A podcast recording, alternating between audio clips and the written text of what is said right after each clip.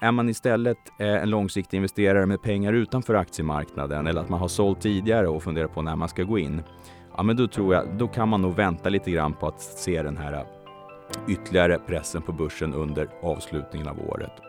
Det här är Investera och agera, en podcast från Carnegie Private Banking. Hej och välkommen! Idag är det den 29 september och du lyssnar på mig Carl Hedberg, aktiechef på Carnegie Private Banking. Oron ökar för en recession samtidigt som inflationen ser ut att bita sig kvar på höga nivåer. Hur ska man agera i den här miljön som investerare? Ska man leta efter safe havens eller är det dags att börja titta på de här långsiktiga köplägena redan nu? I dagens avsnitt så ger jag en marknadsuppdatering samt en eh, överblick över hur vi på aktiemäkleriet här på Carnegie Private Banking rådger våra kunder att agera. Och vi avslutar även med ett aktiecase som jag tycker passar in i den här miljön. Om vi börjar med en summering här av, av börshösten eh, så kan vi konstatera att den har varit negativ. Vi kommer från en period, en avslutning på sommaren som var mera optimistisk, stigande börser, till stor del drivet av den nedgång i räntor som vi då såg.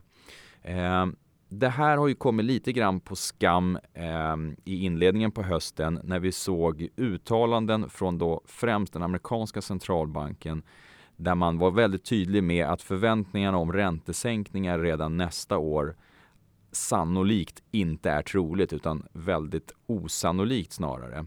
Det här var egentligen startpunkten för att, att sommaravslutningsrallyt tog slut. Eh, därefter så har vi ju sett då faktiska räntehöjningar från flera olika centralbanker som har kommit in på något högre nivåer än vad marknaden hade prisat in. Det här har ju då satt ytterligare press på, på, på aktiemarknaden i form av att räntorna har fortsatt att leta sig uppåt. Och vi har ju även under den här perioden under hösten fått fortsatt nya inflationssiffror som visar väl på att vi har väl kanske planat ut i alla fall. Vi har toppat ut. De fortsätter inte att stiga på samma sätt som tidigare. Men det är inte några större nedgångar att riktigt hoppas på här i det allra kortaste perspektivet. Så det här ger ju också då stöd till synen på högre räntor för en längre period. Tittar vi i siffror, ja, vi kan se att OMX-börsen, eh, OMX30-index är ner 25 procent ungefär just nu. Det breda Stockholmsbörsens index är ner hela 33 procent.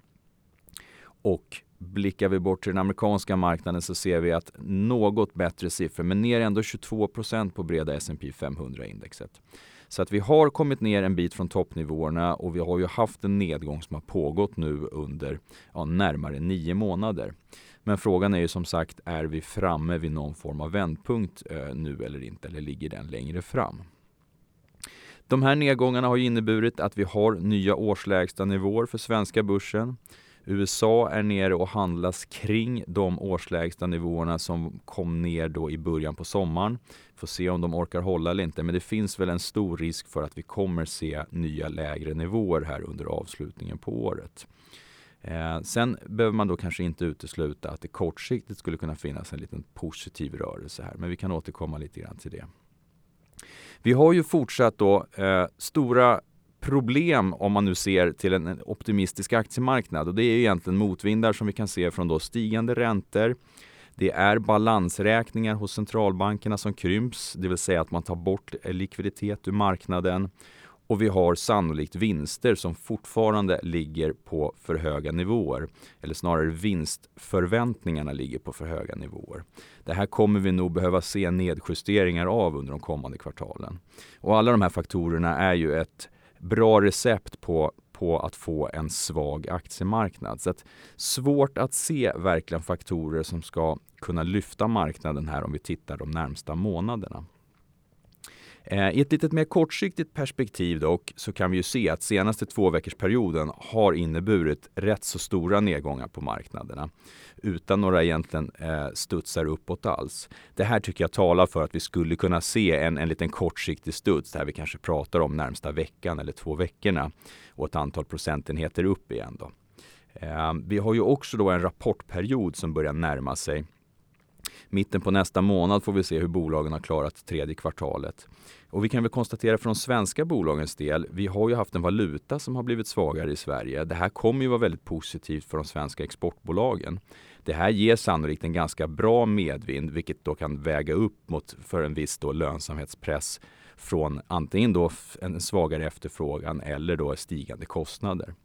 Så att jag tror att Q3-rapportsäsongen överlag, den är nog inte så dålig riktigt. Det här skulle faktiskt kunna ge en liten lättnad på börsen i det korta perspektivet. Men sen är det ju då som sagt problemet, när börjar vi se den här försiktigheten som konsumenterna har visat? När slår den igenom hos företagen i form av en lägre efterfrågan? Och det är väl egentligen det som ser ut att vara det som tynger aktiemarknadens förutsättningar här för, för slutet på året och in i det nya året. Så att jag skulle gissa så här kortsiktigt, liten, liten lättnad, eh, mera press på börsen under avslutningen av året. Jag tror att vi kommer få se nya årslägsta nivåer innan det här året är slut. Och sen får vi börja titta lite längre framåt för att försöka hitta den här vändpunkten. Så att om vi kommer in på det, när kan vi se en botten på börsen? Ja, jag tror att för att det ska ske, att vi har en mer uthållig botten och sen en, en, en mer långsiktig uppgång, då behöver vi nog helt enkelt se att, att vi har konstaterat att vi är inne i en recession. Framförallt då för, för europeisk del. Vi får se om USA klarar sig, men det är nog sannolikt en, en, en recession även där, även om det skulle kunna bli i form av en ändå mjuk landning. Men det tror jag vi behöver se. Sen behöver vi nog även se att de framåtblickande prognoserna från, från bolagens sida, sådana här inköpschefsindexundersökningar, visar på ett väldigt negativt scenario. Det är oftast i samband med det som man kan se en vändning på börsen. Börsen är ju som ni säkert vet då lite framåtblickande och tittar en, ett halvår eh, så framåt.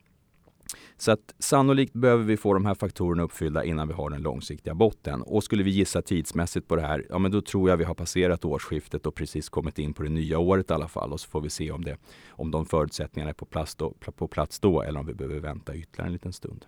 Så då är frågan, hur ska man agera på det här? Ja, men jag tycker kortsiktiga investerare är man riktigt kortsiktig, då kan man nog ta position efter den här senaste två veckors periodens svaga börs och sikta på, på små rörelser uppåt. Eh, är man istället en lite mer långsiktig investerare, ja men då sitter man och väntar på, på den här rörelsen uppåt och då tar ställning till om det finns omplaceringar i portföljen att göra för att göra sig mera eh, anpassad för en fortsatt volatil miljö om man behöver göra det. Helt enkelt minska på det som man inte har en långsiktig stark tro på. Är man istället eh, en långsiktig investerare med pengar utanför aktiemarknaden eller att man har sålt tidigare och funderar på när man ska gå in, ja men då tror jag, då kan man nog vänta lite grann på att se den här äh, ytterligare pressen på börsen under avslutningen av året och där och då titta på, över vilka bolag som man tycker långsiktigt är intressanta. Många bolag börjar ju komma ner på intressanta värderingsnivåer. Men som sagt, för tidigt att tro äh, att vi har den riktiga botten här och nu skulle jag säga. Och sektorer då, ja, vad är det man ska titta på? Ja, jag tror att i den här miljön, det kommer ju vara fokus på bolag som har en bättre stabilitet i sin verksamhet. Man har sina vinster här och nu, sannolikt bra direktavkastningar. Den typen av bolag har klarat sig bättre här senaste månaderna och jag tror att det kommer fortsätta så. Vi hittar ju till exempel bank och hälsovård i, i de här äh, facken. Eh, och jag tror att eh, vi kommer fortsätta se en, en marknad som kommer premiera bolag med höga utdelningar. Det kommer vara en viktigare del av den totala avkastningen. Så rent konkret ett aktiecase då som jag tycker är intressant att titta på. Det är Handelsbanken. Det vill säga en bank som har en, en låg riskprofil när det gäller kreditgivningen. Eh, jag tror att det stora fokuset på eventuella kreditförluster kommer fortsätta. Men vi har ju positiva faktorer i banksektorn och det är ju egentligen stigande räntorna. Det gör att, att räntenettot kommer fortsätta öga, öka. De framtida räntehöjningarna som vi med stor sannolikhet kommer se kommer leda till vinstupprevideringar. Det är inte så många andra bolag och sektorer där vi har då vinstupprevideringar. Eh, och vi har stora förväntade utdelningar. Eh, direktavkastning på runt 10% för Handelsbankens del. Det tycker jag ger en intressant buffert till även svagare marknad. Så att fokus kommer givetvis vara på kreditförluster, men jag tror att det vägs upp av stigande vinster på grund av då ett högre räntenetto. Eh, sen tidigare har vi nämnt det här som ett intressant aktiecase och det långsiktiga caset om man tittar mer bolagsspecifikt, det är ju att man har har gjort mycket arbete med att man avyttrar verksamheter som har en lägre lönsamhet. Man har flaggat upp då eh, Danmark och Norge som två marknader som kommer försvinna. Eh, man digitaliserar erbjudandet och man håller kostnadsökningarna i schack. Men som sagt, det som framförallt driver är räntehöjningar leder till högre vinster. Tack för att ni har lyssnat idag. Nästa vecka hör du mina kollegor börsredaktören Jonas Elofsson och vår tekniska analytiker Jonny Torssell som kommer prata här i podden. Det kommer vara lite aktiecase och börsindex i fokus. Aktiecaset som ni har hört är en sammanfattning av Carnegies analys som publicerades för Carnegies kunder den 18 juli. Mer info om aktien finns länkat i beskrivningen till den här podden. Historik och underlag kan du få genom att mejla mar-information@carnegie.se. Tack för att du har lyssnat. Är du intresserad av topprankad aktieanalys och unika investeringsmöjligheter? Gå då in på carnegie.se privatebanking och lär dig mer om vad du får som private banking-kund hos oss.